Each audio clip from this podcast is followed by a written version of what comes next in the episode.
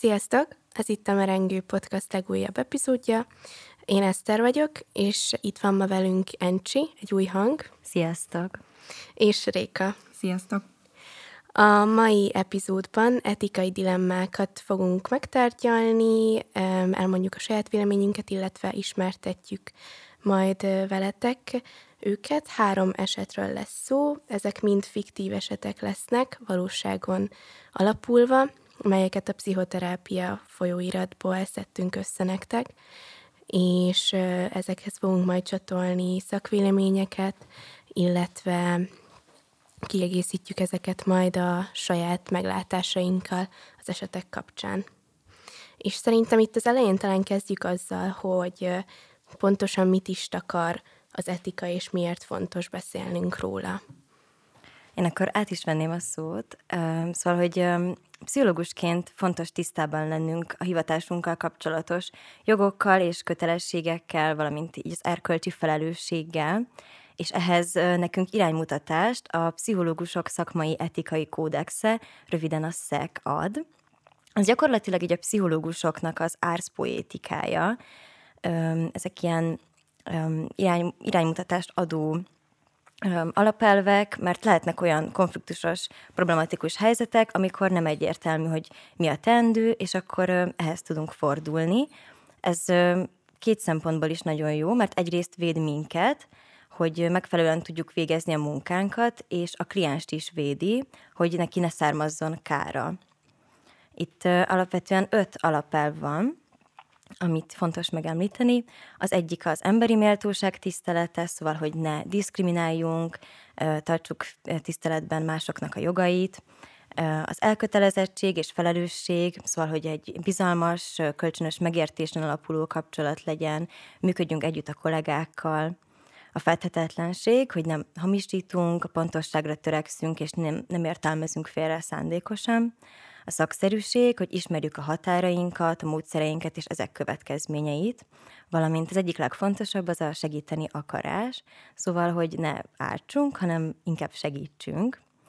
De ezen kívül egyébként még nagyon sok minden másról is van benne szó, például arról, hogy ki az, aki jogosult a pszichológusi szakma gyakorlására, vagy mikor lehet feloldani a titoktartást, vagy milyen elveket kövessünk, amikor publikusan nyilatkozunk, vagy milyen kutatásetikai alapelvek vannak.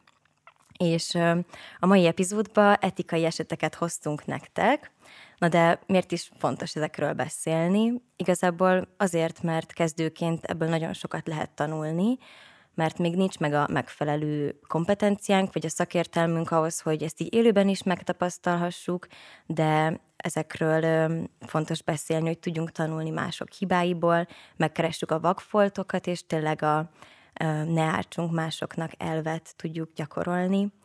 És igazából itt egy csomószor ezek nem fekete vagy fehér esetek, szóval nem feltétlenül lehet eldönteni, hogy mi volt a helyes mm, választás, és sokszor azt sem könnyű elválasztani egymástól, hogy szakmai vagy etikai védségről volt ez szó, és ebben az epizódban ezt a Gordiuszi csomót próbáljuk meg kibogozni. Na, hát ez egy nagyon szép felvezetés volt. hogy egy kicsit így belekóstoljunk arra, abba, hogy egyáltalán mi is ez az etika, és ahogy említette már Lencsi az elején, hogy, hogy egy pszichológus életében ennek nagy jelentősége van, még ennyit hozzátennék, hogy egyébként a képzés alatt is rengeteg ilyen, hát rengeteg, aztán túlzás, de hogy azért vannak, vannak olyan tárgyak, amikor ezzel szoktunk foglalkozni, és ott is ugye tényleg eseteket szoktunk nézegetni, ahogy mondtad, akkor ezekből tudunk közösen tanulni, ami, ami nagyon eredményes szokott lenni. És igazából arra gondoltunk, hogy Szeretnénk elsősorban szétválasztani ezt az etikai, illetve szakmai kérdést, mert nem mindegy, és azért nem szabad ezeket összemosni. És van egy szakmai kérdés, ami, ami talán sokszor felszokott merülni egy laikusban is, meg hogyha akár elmegy valaki magánterápiába, vagy valami, hogy tegeződjünk, vagy magázódjunk. Ez egy ilyen szakmai kérdésnek mondható. Nyilván, amikor maga a terapeuta, vagy a segítő, vagy ö, egy esetben a pszichológus nagyon fiatal, akkor néha furcsa lehet, hogy, hogy miért magázódik egy szintén nagyon fiatal ö, klienssel, de alapvetően azért ennek megvannak a, a, a szakmai keretei, és azt szokták ajánlani, legalábbis mi is így ezt tanultuk az egyetemen, meg minden gyakorlat kapcsán azt próbáltuk, hogy azért inkább magázódjunk, de azért vannak olyan módszerek, amiben belefér a tegeződés. Ez most csak röviden így zárójelben, hogy léteznek ilyen szakmai kérdések is, amiben különböző vélemények lehetnek. Na de kezdjük is a izgi részekkel foglalkozni akkor. Üm, és akkor elmondanám az első esetet. Mint mondtuk, ez egy fiktív eset. Arról szól, hogy van itt egy friss kiképző terapeuta, aki szupervíziót tart egy hölgynek, és a hölgy megkérdezi, hogy elhozhatja a párját a szupervízióba, úgyhogy ő is szeretne hozni egy esetet. Ö, és erre igent mond ez a terapeuta, és elhozza a, a hölgy a, a barátját, akit nevezzünk Tamásnak, aki belecsap egyből így immediás stressz a, a mondani valójával, elkezdi magyarázni, hogy neki magánrendelésen milyen kliense van, és hogy nem tud vele mit kezdeni, és hogy milyen bonyolult, és így teljesen elma, elmosódnak a, a, a szupervíziónak a határai, és uh, így magával rántja a terapeutát is ez az egész ügy, és valahogy nem, nem tudja hol megfogni ezt, nem, nem érti, hogy mi történik, Kiderül, hogy egyébként ez a, ez, a, ez a kliens, akiről szó van, ez egy borderline-os beteg, és ez a Tamás, ez úgy érzi, hogy neki ez egy túl nagy falat, és ezért is fordult ugye a szupervízióban, mert nem, nem tudja, hogy, hogy hogyan kéne megoldani. A, a terapeuta igazából azt gondolja, hogy Tamás nagyon reflektív, és hogy kifinomult a pszichoterápiás gondolkodása, de érzi, hogy mintha valami így hiányozna, vagy valami nem stimmelne ezzel a Tamással, és kiderül, hogy Tamásnak csak egy BA-s végzettsége van, ami ugye azt jelenti, hogy csak viselkedés elemző a végzettsége, és ezért nem is lenne jogosult magán, magánrendelést és terápiát tartani, még úgysem, hogyha elviszi szupervízióra. Szóval igazából ő ugye a kompetencia határait erősen megsért, megsértette, és ezáltal most itt a terapeuta is egy ilyen szorult helyzetbe került, ő úgy dönt ebben, a, ebben az esetben, hogy még mindig jobb, hogyha szakszerű szupervízióban erről beszélnek, mert akkor legalább valamilyen szinten tud rajta segíteni, meg hogy ösztönzi arra, hogy akkor esetleg képezze tovább magát, meg hogy ezzel foglalkozni kell. Hát ti mit gondoltok erről, hogy mit lehet csinálni, hogyha egy ilyennel szembesülünk, hogy, hogy valaki úgy végez terápiát, hogy nem is lenne jogosult erre?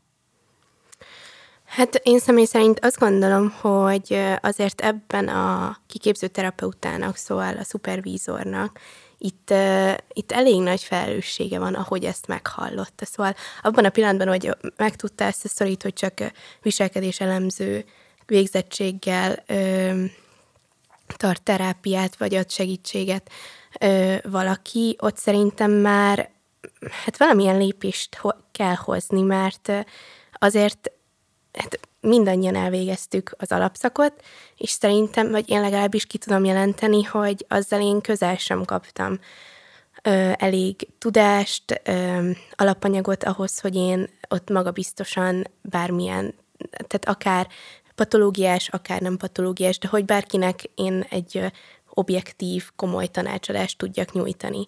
És szerintem annak, aki pedig egy magas szakmai szinten mozog és megtudja ezt, annak valamilyen szinten kötelessége akkor, hogy, hogy közbeszóljon, és, és valamit tegyen az ellen, hogy így praktizáljon az úr. Illetve visszalépnék még egyébként egy lépéssel előrébb egyáltalán oda, hogy, hogy mit gondoltok arra, hogy elvállalta, hogy Tamás jöhessen, tehát hogy itt egy ilyen közeli kapcsolatot, egy párkapcsolatot tehát párkapcsolatban van ugye a, a hölgy, meg, meg Tamás, és hogy eleve itt már kicsit így összemosódnak így ezek a szakmai keretek, hogy már ez is nekem egy kicsit olyan, hogy nem biztos, hogy ez lett volna a legjobb megoldás.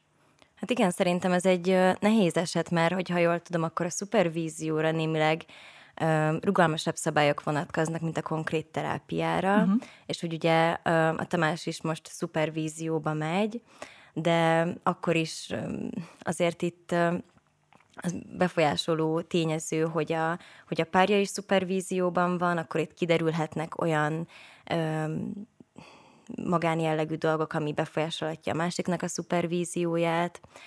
Szóval szerintem ez ebből a szempontból ez egy elég kényes ügy, úgyhogy én például személy szerint lehet, hogy, hogy átirányítottam volna egy másik kollégához.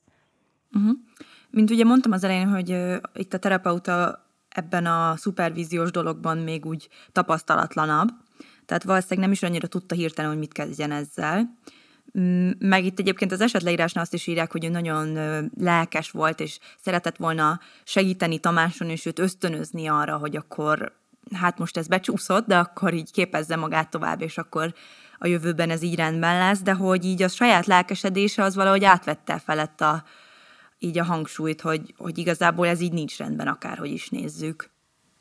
Hát igen, amúgy szerintem ezt a lelkesedést azért valamilyen szinten így meg lehet érteni, nem etikailag, hanem szerintem csak olyan szempontból, hogy azért ez egy nagyon extrém és nagyon exotikusnak mondható helyzet, hogy eleve valaki behozza a párját, akkor a párjáról kiderül, hogy borderline-os, mindezt hat... Nem, nem a párjáról derült ki, hanem a... Tamásról? Nem, az a maga az eset. Uh, bocsánat, az bocsánat, van. akkor mindegy. Tehát, hogy bocsánat, akkor itt most nagy keveredés volt. Nem, a kliens, aki, akiről beszél. ez már nagyon igen, igen, de hogy az a lényeg, hogy, tehát, hogy bocsánat, egy kicsit keveredtem, de az a lényeg, hogy, hogy azért ez egy ilyen, ez egy nagyon komoly izgalmi állapot szerintem, hogy ennyi minden történik, ennyi minden újdonság, és én amúgy azt valamilyen szinten ilyen emberi, emberi oldalról meg tudom érteni egyébként, hogy itt kicsit így elkapta ez az oldal. Igen, a hév. E, igen, igen, mert hát azért szerintem, szerintem nem minden nap találkozik egy ilyen, ilyen helyzettel az ember. Hát igen, meg ugye azt el is mondtad, Réka, hogy, hogy a Tamás is egy nagyon egy ilyen karizmatikus, egy megnyerő valaki, tehát hogy úgy, úgy szakmailag úgy tűnik, mint hogyha rendben lenne, még valami hiányzik, de hogy egyébként egy ilyen nagyon megnyerő karakter, szóval szerintem az nehéz lehet azért, hogy nem felvenni ezt és bevonódni az ő dinamikájába.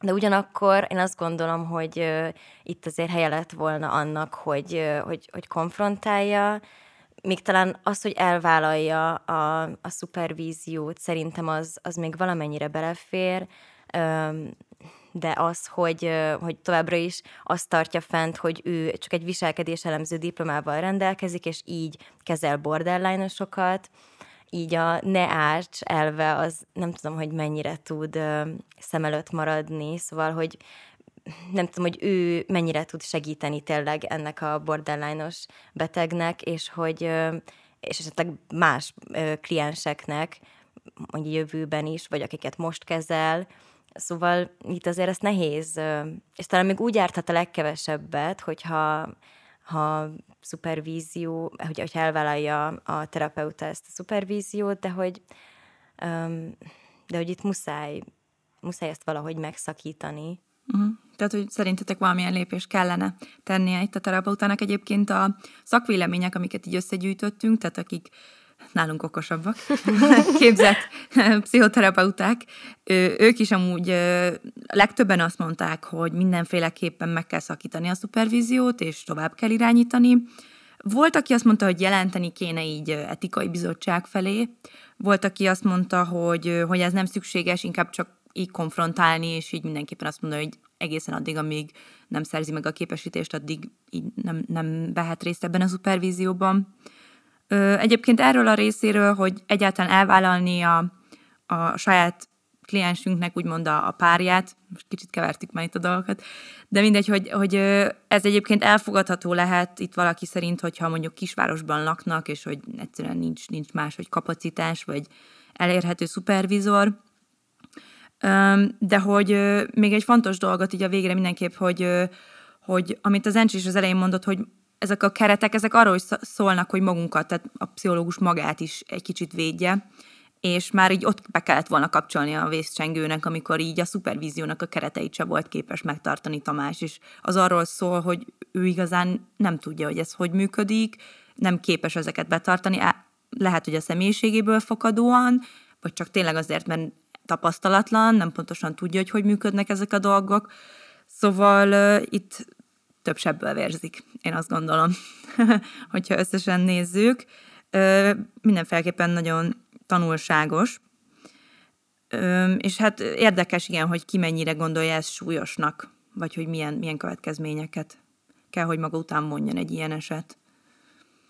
Még hozzáfűznétek ehhez valamit, vagy, vagy esetleg? Hát én csak annyit mondanék még gyorsan egyébként szerintem, hogy uh, szerintem így a tapasztalatlanság az nem hozható fel mentségként, mert, mert pont ez a, az idézőjeles... Már a terapeutánál? Úgy Igen. Ha? Tehát, hogy szerintem ö, tehát mindenki tapasztalatlanul kezdi, és elég sokáig még tapasztalatlannak is lesz titulálva, mert kell x idő és x tapasztalat, amíg tényleg, sőt, lehet, hogy még az se elég, de hogy elég sok idő kell minden esetre, ezt leszögezhetjük ahhoz, hogy valaki ki tudja mondani, hogy jó, ő most már biztos talajon áll bármilyen szembe, és, és szerintem őszintén szóval nem akarok ilyen kegyetlen lenni, de szerintem pont azért ez nem mentség, szóval az, hogy tapasztalatlan, hát oké, okay, hát pont ezért kéne megnézni pontosan, hogy akkor mik, mikre kell figyelni, meg, meg milyen követelmények vannak felé, milyen felelősségeknek kell ö, megfelel, tehát milyen felelősségeket kell betartania, figyelembe venni, és a többi. Szóval mm, én ezzel nem, nem nagyon tudok így egyetérteni. Mm-hmm. Hát vagy talán ez az a helyzet, amikor a szupervízornak is szüksége van egy szupervízorra, és akkor vele tud konzultálni erről az esetről, hogyha ő nem tudja ezt feltétlenül úgy kezelni, teg nem tudja tartani a kereteket, nem tudja, hogy mi, a, mi legyen a következő lépés. Szerintem is ezzel egyet tudok érteni, meg, meg most ez ilyen saját élmény, vagy nem tudom, hogy én azt, azt vettem észre, hogyha itt tényleg ragaszkodok ezekhez a, a keretekhez, szabályokhoz, akkor, akkor tudom, hogy biztonságban vagyok. Tehát akkor ott nem tudok semmit elrontani, és ez segíthet. De egyébként ez a kompetencia határ dolog, ez szerintem egy kicsit kényes így legalábbis az egyetemnek így a, így a falai között, vagy nem tudom, legtöbbször azért így szélsőséges, van, aki nagyon-nagyon ragaszkodik hozzá, van, aki azt mondja, hogy amíg nem végzel el mindent, amíg nem szól minden képesítés amellett, addig te rá se nézzél egy betegre. Szerintem ez az egyik véglet, a másik pedig hát Tamás. Tehát, hogy így, így vagyunk szerintem. És hát, mint mindenben, talán az arany középút, ö, szerintem ezt minden, mindannyian ebben egyetértünk, hogy nagyon fontosnak tartjuk, hogy, hogy így a saját kompetenciánkat így, így figyelembe vegyük, és hogy ha, ha olyan az eset, akkor azt tovább irányítsuk. Egy kis érdekesség, hogy a hallgatóinknak mondom, hogy mindannyian egy különböző szakirányra járunk, mármint így a mesterképzésen belül, ezért így talán, hát nem mondanám, hogy mások a kompetenciánk, csak más esetekkel találkozunk, így ez is érdekes lehet, hogyha valakinek mondjuk papíron van hozzá joga, tegyük fel, de hogy mondjuk úgy érzi, hogy mit tudom én, egy, egy gyerek fordul hozzá, én például pont nem gyerek irányon vagyok, akkor nem tudok vele mit kezdeni hirtelen. Úgyhogy ez is egy érdekes dolog lenne. Ö, nem tudom, hogy ehhez szeretnétek hozzáfűzni még valamit a kompetencia határhoz, mert még egy kutatást hoztam majd, én igazából csak így egyetérteni akartam veled. Én gyerek ö, pszichológia mesterem vagyok, és ö, attól függetlenül, hogy mindannyiunknak ugyanaz lesz a diplomáján, hogy pszichológus, és igazából ezzel így tulajdonképpen valamilyen úton, módon ö, el tudunk azért indulni ö, szakmában. Én ugyanezt érzem, hogy én nem tudnék ugyanolyan komfortosan ö, beszélgetni egy, egy felnőtt emberrel majd szerintem, mert én szimplán arról nem tanultam annyit, vagy nem nincsen annyi ismeretem az a, a, abban a korosztályban történő rezzenésekről, mint amennyi remélem, hogy lesz így a gyerekpszichológiának a végére. De szerintem jöhet egyébként a kutatás. Jó, csak röviden, ezt csak úgy beszúrom, hogy egyébként azért van erre ö, szakirodalmi cikk is, hogy Amerikában egy ilyen nagyobb kutatás keretein belül megkérdeztek pszichológusokat arról, hogy, hogy mit gondolnak erről. Sok mindenről megkérdezték őket. Egyébként volt itt reklámozás, meg majd most nem lövöm le az összeset, mert mi, mi is fogunk róla beszélni, de hogy a kompetencia határ volt egy olyan dolog, amit, amit nagyon nehezen tudtak megítélni így egymás között. És egy, egy, ez egy ilyen aggasztó kérdés tud lenni, és nehéz ugye egymás dolgába beleszólni, ki mit csinál. Úgyhogy talán ezt most nem is fogjuk tudni így, így megválaszolni összességében, hogy hogy kell ezt megítelni, meg azért függ ez pszichológiai iskolától is. De, de szerintem lassan térjünk át akkor a következő esetre, mert szalad az idő. Rendben. A következő esetet ezt én fogom bemutatni. Én ennek azt a nevet adtam, hogy még a pszichológusom sem engem választ, és itt bemutatnám gyorsan így a szereplőket. Szóval a kliens az egy ilyen a 20-as évei végén járó, szorongásos panaszokkal küzdő hölgy, akinek a fő a szorongásának a fő oka az a nővérével való ilyen rivalizálásból ered, és úgy érzi, hogy az apukájuk mindig a, a nővérét választotta, őt támogatta, mind a ketten ö, üzletemberek, és, ö, és az apa anyagilag is támogatta a nővérét egy ilyen műtárgykereskedő, ö, a műtárgykereskedésben, és van a terapeutánk, aki egy kiképző terapeuta, és ő neki van egy ilyen elég speciális érdeklődése, ugye egy a műtárgyak iránt, és gyakran beszél a, a kliens is uh, ilyen témákban, és a visszajelzéseiben is uh, a, a terapeuta, meg az értelmezéseiben sokszor ezt a műtárgy kereskedő kontextus használja a nővérrel való kapcsolatának a magyarázatára, és ezért így a terápia, terápia során eltanulja ezeket az üzleti fogásokat.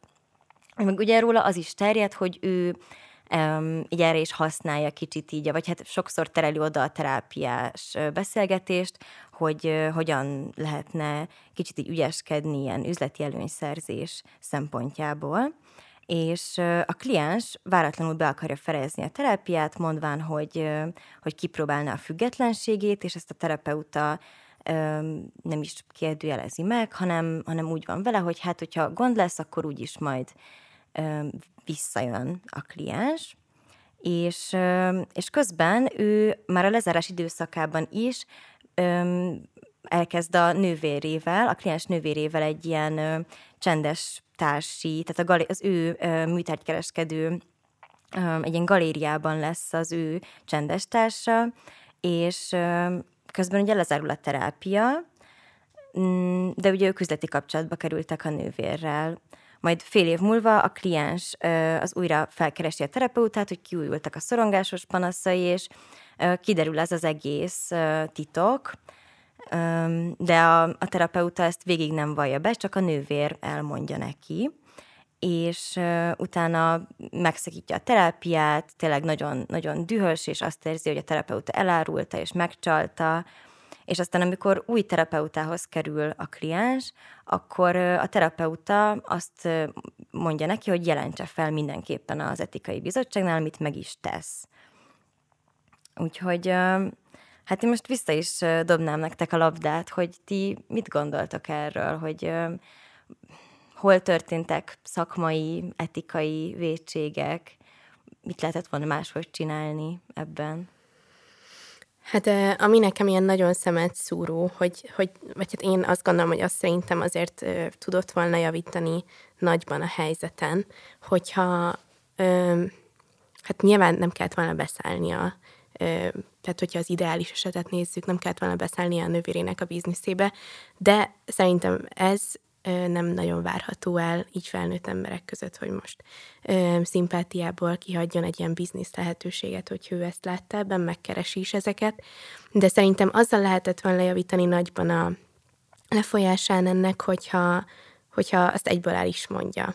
Vagy valahogy így végigviszi a folyamaton a, a kliensét, ugye a hugát a lánynak, és, és mondja, hogy ő ezzel szemezget, hogy akár ő már beszélt vele, vagy hogy ő már, hát nem tudom, hogy mire vagy szó, hogy befektetett, vagy nem tudom, de mindegy. Igen. Tehát, hogy, hogy így végigviszi a, a lépéseken, hogy ne érje az egész meglepetésként, mert szerintem a rivalizálás az arra az is jellemző, most így testvérkapcsolattól függetlenül, hogy sokszor nem fair, és szerintem az, hogy nem fair, az sokszor abban nyilvánul meg, hogy nincsenek tisztázva így a körülmények, nincsenek tisztázva a lépések, hogy ki mit csinál, csak valaki nyer, és másik veszít, és ennyi.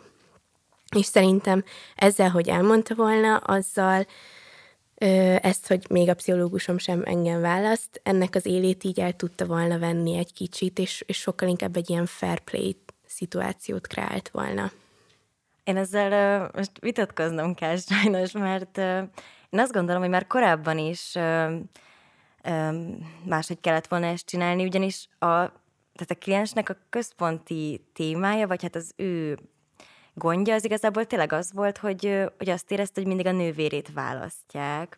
És most uh, még a terapeutája is ugye őt választotta, mint üzlettárs, és hogy a, a háta mögé ment, és és akkor ők egy ilyen üzleti, egy ilyen kölcsönös szimpátián alapuló kapcsolatba kerültek.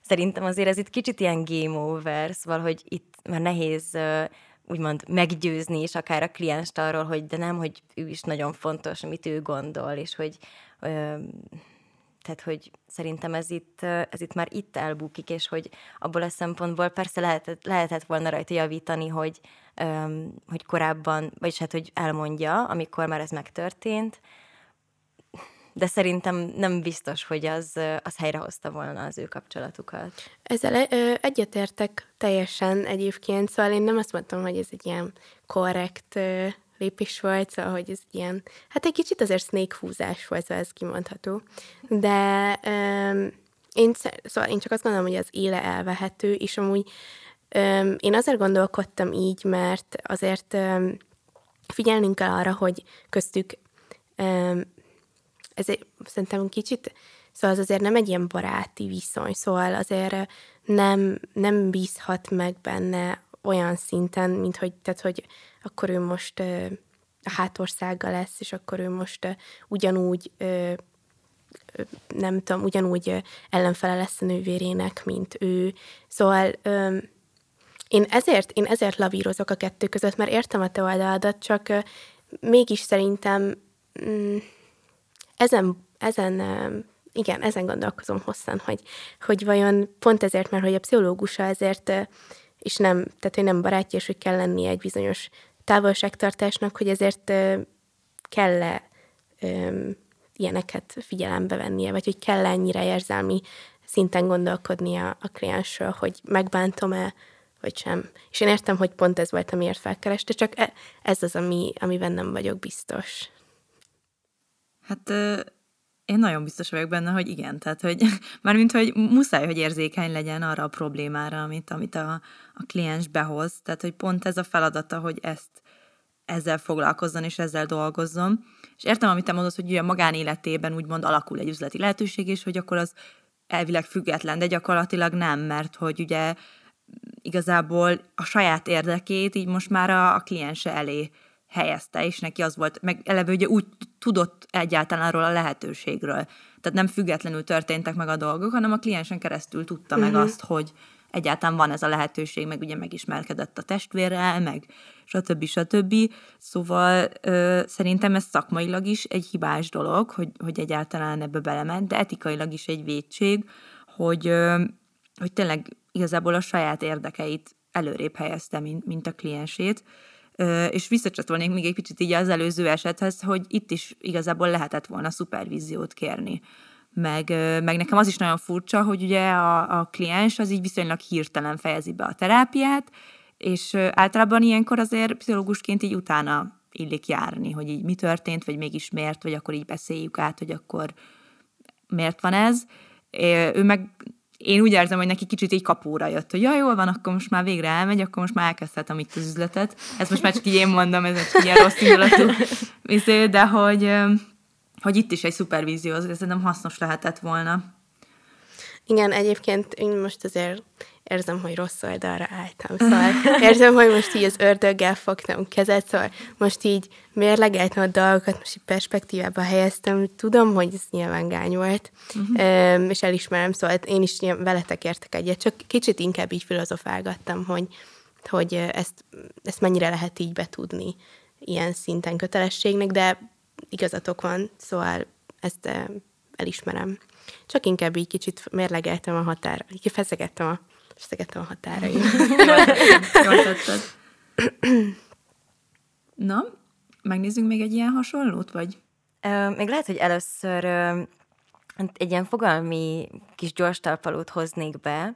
Szóval, hogy ez egy példa volt a kettős kapcsolatra, uh-huh. ami ugye arra vonatkozik, hogy a, a kliens és a terapeuta között egy a terápiás kapcsolaton kívüli um, kapcsolat is létrejön. Tehát, hogy ugye itt a terapeuta és a kliens nem csak egy terápiás kapcsolatban voltak, hanem ő ugye kapcsolatban volt vele úgy, mint a nővére üzlettársa is.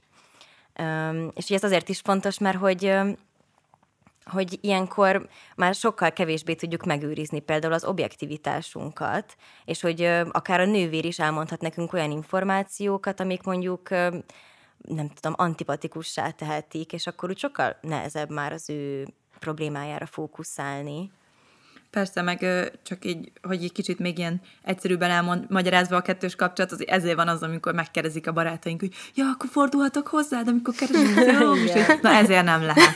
Mert nem lehetünk egyszerre barátok, és nem lehet egyszerre a kliensem. Szóval sokfajta ilyen kettős kapcsolat van, és akkor még milyen van? Vagy még, bocsánat, még, még volt egy fogalom tisztázás most.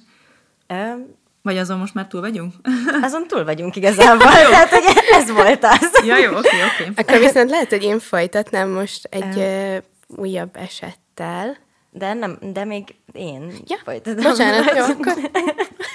Itt van még egy ö, elég ö, spicy eset, szóval ö, ennek pedig azt a címet adtam, hogy a, a forró tímfejlesztő. Itt alapvetően az a helyzet, hogy egy, ö, egy ilyen pályázati pénzből egy szociális szférában levő intézmény megrendel egy, egy ilyen tímfejlesztést, és akkor egy páros, egy férfi meg egy nő elvállalja ezt, hogy megcsinálják ezt a csoportot, és akkor az, a második napon egy ilyen személyes gyakorlat kapcsán elég mélyre szaladnak, szóval ilyen mind a, a résztvevők, mint a vezetők is nagyon bevonódnak, és úgy vannak vele a vezetők, hogy jó, hát másnap reggeli programból igazából most már csak a lezárás van, szóval mm, ők is csatlakozhatnak a csoport többi tagjához, akik így vacsorázgatnak, mulatoznak, ö, meg iszogatnak, és Hát úgy alakul a helyzet, hogy mindenki becsicsent, szól a zene, tánc, buli, és, és ezt a, a vezetői párosnak a női tagját így újra és újra megtáncoltatja az egyik csoporttag, aki egy férfi, és um, itt még fontos azt tudni, hogy már így a tréning alatt is volt köztük egy ilyen um, kölcsönös vonzalom, de ezt így igyekeztek eltitkolni mindenki elől, viszont a buliról pedig együtt távoznak, és uh, már majdnem ott vannak a nő szobájában, amikor ő így azt mondja, hogy nem, ezt nem tehetjük meg, és uh, így megállítja ezt a szituációt, a férfi az elfogadja a helyzetet, és másnap az úgy alakul, hogy erről így nem esik szó egyáltalán, szóval a két vezető között sem, meg senki között sem, és ugyan problémamentesre sikerül a lezárás, de elég formális, és ennek az esetnek még az a folytatása, hogy három hét múlva újra felkérik őket, és a nő nem akarja elvállalni, de a férfi nagyon erősködik, hogy de, de, menjünk vissza. Öm, és alapvetően azért is kérték fel őket másodjára, mert hogy nagyon sok, öm, hogy nagyon jó volt az első alkalom, de hogy sok volt a, a kérdés még bennük. És végül a nő öm, azért, hogy igen, ő nem válaszol arra, hogy miért nem akarja ezt elvállalni, csak ragaszkodik hozzá, hogy nem vállalja el, de aztán a férfi végül meggyőzi, hogy, hogy menjenek el, és ő végül ebbe így belemegy. Úgyhogy Úgyhogy ez a, ez a második eset. Uh-huh. Így a kettős kapcsolaton belül. Igen, a kettős kapcsolathoz még ezt tartozik. Igen, és hát talán amúgy lehet, hogy pont a kettős kapcsolatra az ilyen esetek jutnak eszébe az emberek, embernek először, és talán erre van az ilyen legkonkrétabb etikai el, vagy nem tudom, tehát ez így nem megkérdőjelezhető, hogy szexuális kapcsolatot klienssel nem teremtetünk, tehát hogy ez ilyen nagyon-nagyon egyértelmű, tényleg nincsenek kérdések. Nyilván itt ugye nem jutottak el odáig, mert hogy mondta, hogy ezt azért mégse. De hogy azért már ez is egy határátlépés volt, hogy egyáltalán belementek ebbe, hogy táncoljunk együtt, tehát azért itt az intimitás, eleve az, hogy ugye nyilván közben beszélgettek, itt ugye mennyi mindent osztottak meg így a magánéletből, tehát ezzel itt teljesen összemosódnak így a, a keretek, így a határok, hogy kinek mi a szerepe, és annak ellenére, hogy egyébként ugye mondtad, ez egy, ez egy tréning, tehát nem egy ilyen terápiás csoport, vagy egy egyéni terápia, de, de ugyanazok a szabályok vonatkoznak szerintem, szóval, hogy ez, ez nem mentesíti őket. Hát szerintem, hogyha itt tartunk, akkor az is megkérdőjelezhető, hogy egyáltalán öm, miért mentek el erre a kis estre, meg miért iszogattak ott, meg ilyesmi, mert megértem, most hát, ugye emberi oldalról nézzük mindezt, persze megértem, hogy ugye egy tréning után nekik is jól esik egy ilyesfajta kikapcsolódás, de ez is kicsit ilyen, ilyen kínos etikai helyzet szerintem, hogyha a saját terapeutáddal például összefutsz, nem tudom, a kocsmában, vagy, vagy összefutsz mondjuk moziteremben, és egymás mellett ültök. És jó, még a moziterem, ez nem is annyira intim, ugye, mert nyilván a filmet nézitek, de bármi, ami egy kicsivel szerintem intimebb helyzet, mint a, az egymással szemben üldögélés a, a rendelőben, az már szerintem egy ilyen ilyen kínos és egy, egy kicsit ilyen kérdőjeles. Most úgy mondod, mintha csak üldögölnénk. Bocsánat, csak ez azért. csak üldögélünk, üldögélünk, nézzük egymást. hát jó, hát most a, most a testi pozíciókra ja, értettem, jó. tehát hogy ugye, ugye egymásra szemben, vagy esetleg nem tudom, valami, tehát, de hát hogy az a lényeg, hogy nincsen semmilyen kontaktus, érintés, nem ér Igen. össze kézláb, stb. Még egy szerettél volna valamit mondani, csak belevágtam, bocsánat. Uh, hát most kicsit elfelejtettem. Gyorsan behozok addig egy kutatást, mit szólsz, és Jól hát, amíg eszedbe jut. Köszi. Mert hogy néztem, hogy, hogy vannak-e cikkek ezzel kapcsolatosan, és igazából hát azt találták, hogy a férfi terapeuták nagyobb hányada volt ilyen hát szexuális és nem szexuális kettős kapcsolatnak az elkövetője, vagy nem tudom, tehát hogy részt vett ilyenben. Ez az egyik fontos eredmény, amit találtam. A másik pedig az, hogy azok, az em- azok a pszichológusok, akik ezt így nagyon elítélik, vagy ilyen nagyon szigorúan állnak hozzá, azok elvileg azt mutatják a kutatások, hogy nők, fiatalabbak, pályakezdők, többször vagy több esetben részesülnek szupervízióban, mondjuk a magánéletükben is járnak terápiába, illetve hogy ilyen városi környezetben laknak, illetve dolgoznak, ez nem tudom most már mennyire szorosan kapcsolódik, de ez tök érdekes, hogy így hogy állítólag a fiatal nő, női pályakezdő pszichológusok nagyon elítélik ezt. Mondjuk mi is azok vagyunk. Tényleg.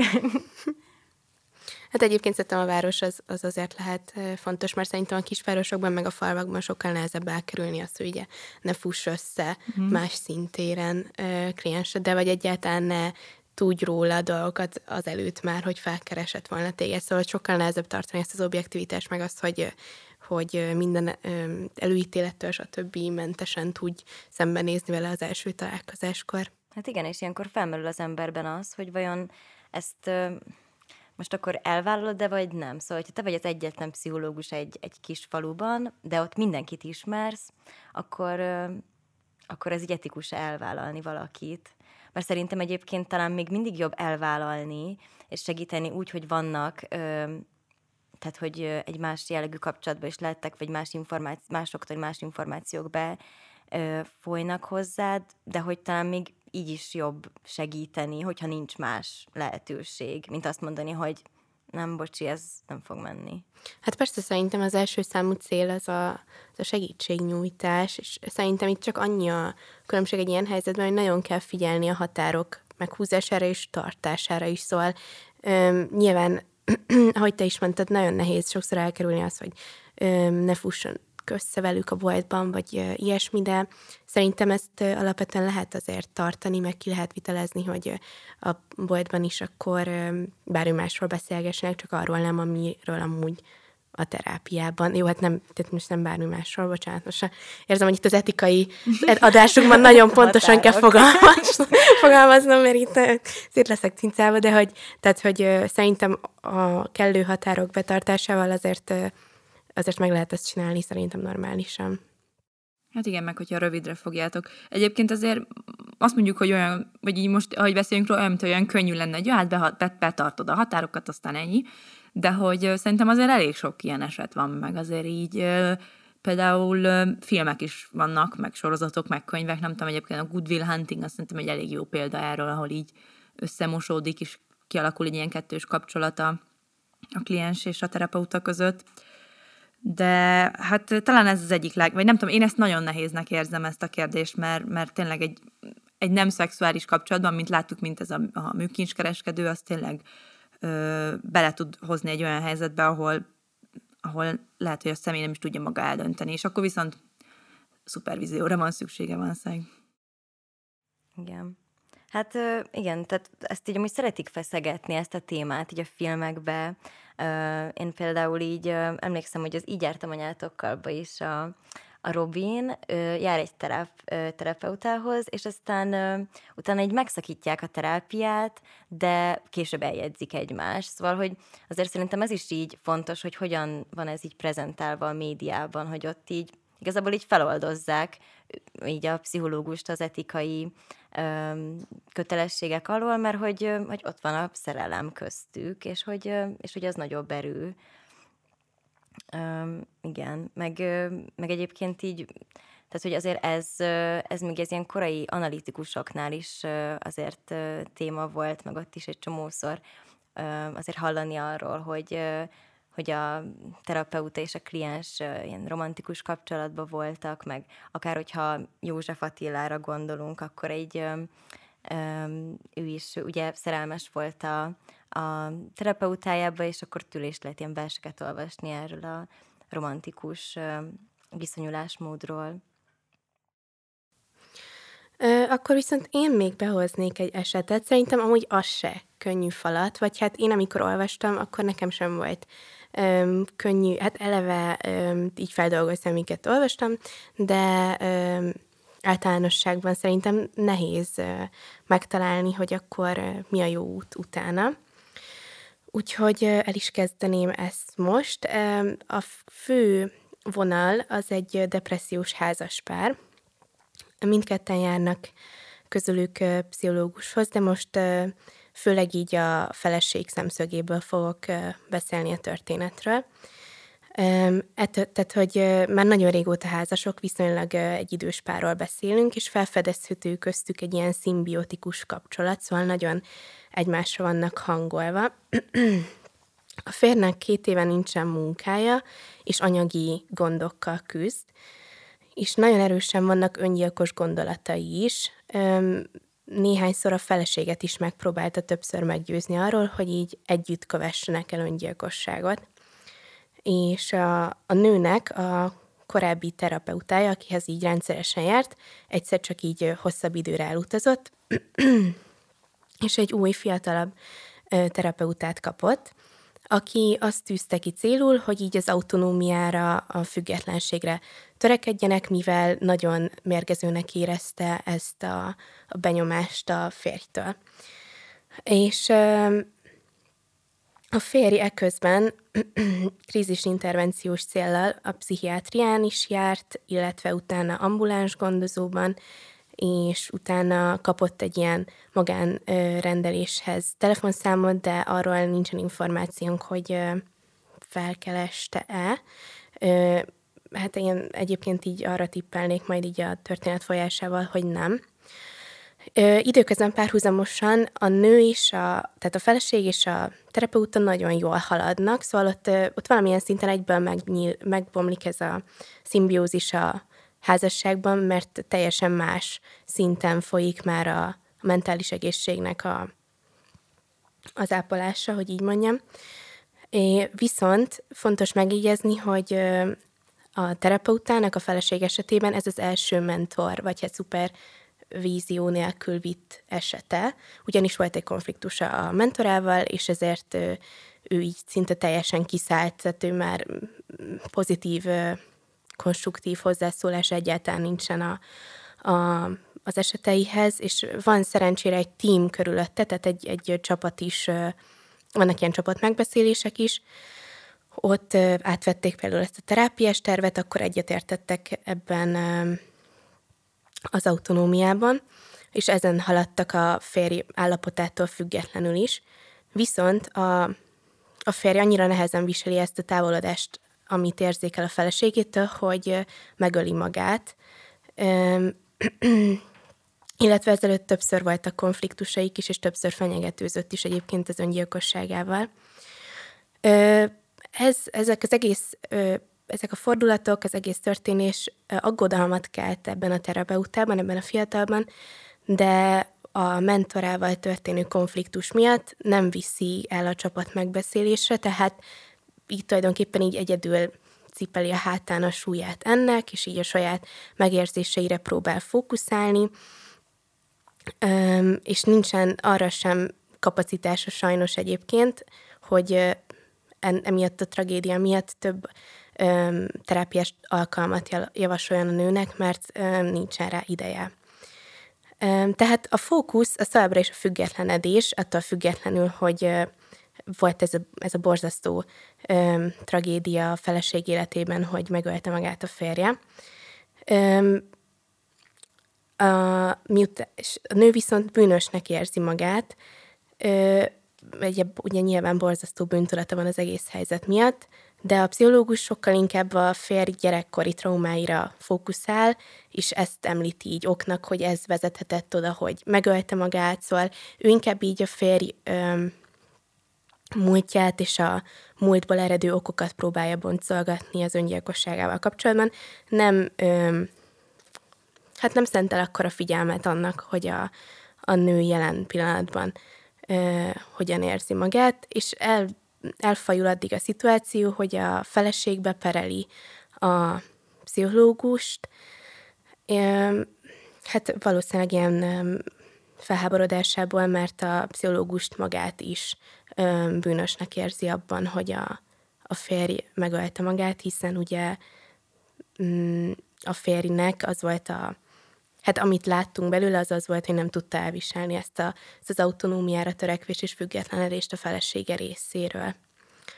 Szóval hát érdekelne, hogy, hogy nektek mi az első gondolatotok. Nagyon megosztóak egyébként e körül a, a szakmai vélemények, így hát három úton is el lehet indulni azok alapján, hogy mi történt rosszul ebben a történetben, de először így kíváncsi lennék, hogy ti mit gondoltok.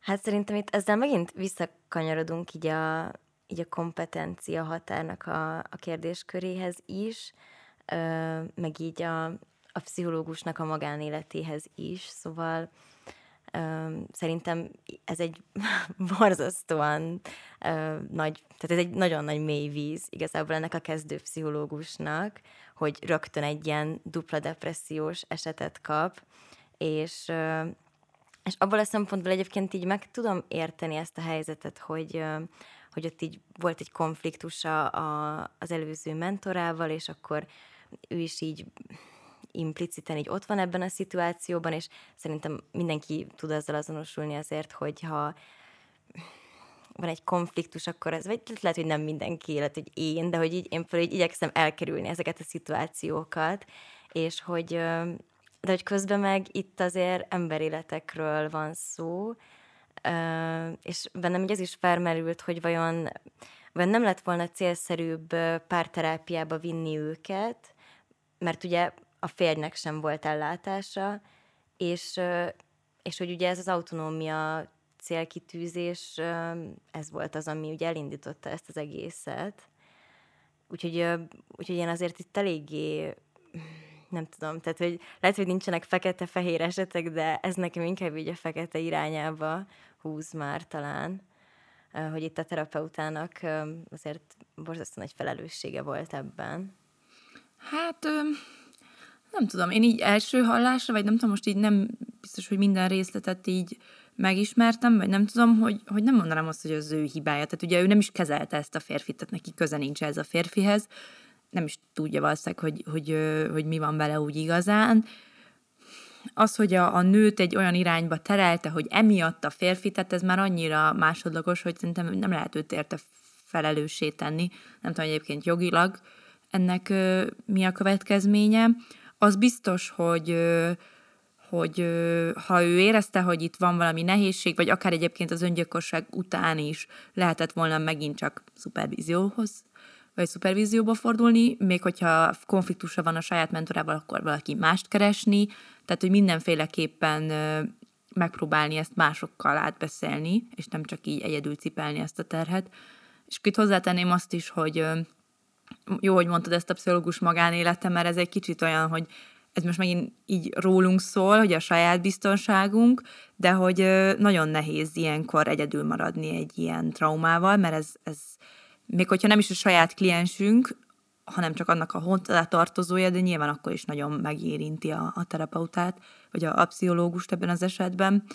Ö, és hát adott esetben tényleg hibáztathatja magát, nem tudom, hogy itt most pontosan akkor ő hogy, hogy állt ehhez, de hogy, hogy ezeket nagyon nehéz lehet helyre rakni, úgyhogy megint csak azt mondani, hogy szupervízió igazából.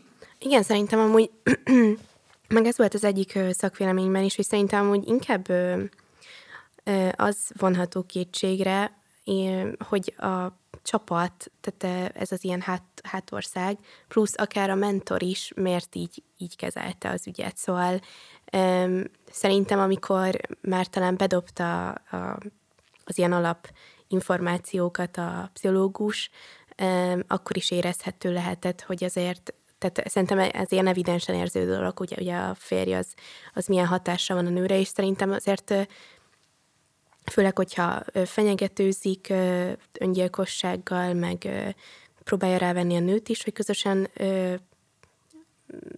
kövessék el, akkor azért ez, ez egy eléggé, tehát ez egy, ez egy szóban forgó dolog.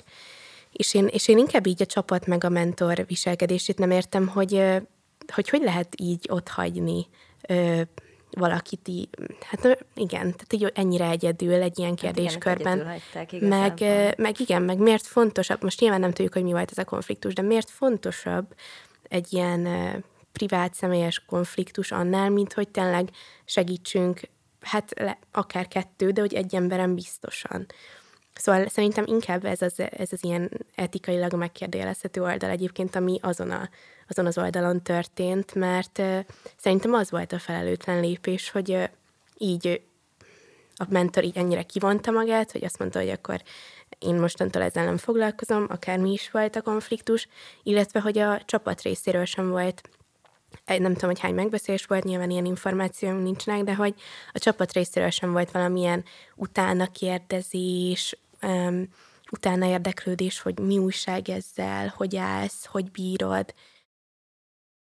Hát meg szerintem itt talán egy olyan felelőssége is volt így, hát magának a pszichológusnak is, és a csapatnak is, hogy hogy ha tudták, hogy a férj depressziós, és hogy ez valószínűleg rá is hatással van, akkor talán elindítani ilyen folyamatokat, hogy neki is keresni egy terapeutát, mert hogy ugye, ha jól emlékszem, akkor neki nem, ő nem volt kezelés alatt.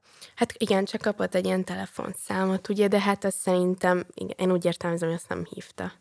Hát igen, szóval, hogy talán, talán neki is lehetett volna valakit beszervezni, és akkor nem történik meg ez az egész? Hát itt a végére is szerintem, hogy ehhez volt a legnehezebb, vagy hát nyilván ez a, a legtragikusabb eset. De lassan le kell, hogy kerekítsük ezt az epizódot, pedig még rengeteg dologról lehetne beszélni, így amikor készültünk, akkor beszélgettünk még a titoktartásról, meg hogy ö, hogyan reklámozhatja magát egy pszichológus, hogy egy kutatáson belül mikre kell figyelni, illetve mondjuk így az érintés egy terápiában, de ez is is szorosan kapcsolódik egy picit a kettős kapcsolathoz, hogy egy kicsit átsúszik az ember. Ö, szerintem így a végére meg jó lenne, vagy megpróbálnánk így összefoglalni, hogy így mit is szeretnénk üzenni ezzel így, így a gyakorlatban. Akár pszichológusoknak, akár laikusoknak, akik egyébként pszichológushoz járnak. Én bedobok egy pár dolgot, aztán még csatlakozzatok hozzá, hogyha még valamit ö, szeretnétek hozzáfűzni. Ö, Szerintem a pszichológus hallgatóknak azt lenne jó üzenni ezzel, hogy hogy hát ne ártsanak, ez most olyan könnyen hangzik, nem, de hogy talán tényleg az a jó, hogyha megpróbálnak ragaszkodni ezekhez a keretekhez, és nem véletlen tanuljuk ezt az egyetemen, és nem véletlenül kell rengeteg, rengeteg, rengeteg tapasztalat ahhoz, hogy valaki biztonságosan mozogjon ebben a terápiás térben. Viszont a laikusoknak meg azt üzenném, hogy hát a pszichológusok is csak emberek, tehát hogy azért előfordul, hogy hibát követnek el, csak nem biztos, hogy nem, nem mindegy, hogy ezt hogyan kezelik. Úgyhogy egy kicsit talán arra is biztatnám a hallgatókat, hogyha ők pszichológushoz járnak, vagy hallanak ilyen sztorikról, vagy valami, hogy akkor igenis fel lehet lépni ez ellen, nyílt kommunikációban sok mindent meg lehet oldani, mm, illetve hát jó, hogyha tudjuk, hogy bizonyos dolgok nincsenek rendben, annak ellenére, hogy tényleg bárki követett el hibát, de hogy ezért ezekre nagyon érdemes odafigyelni. Na, még hozzáfűzés?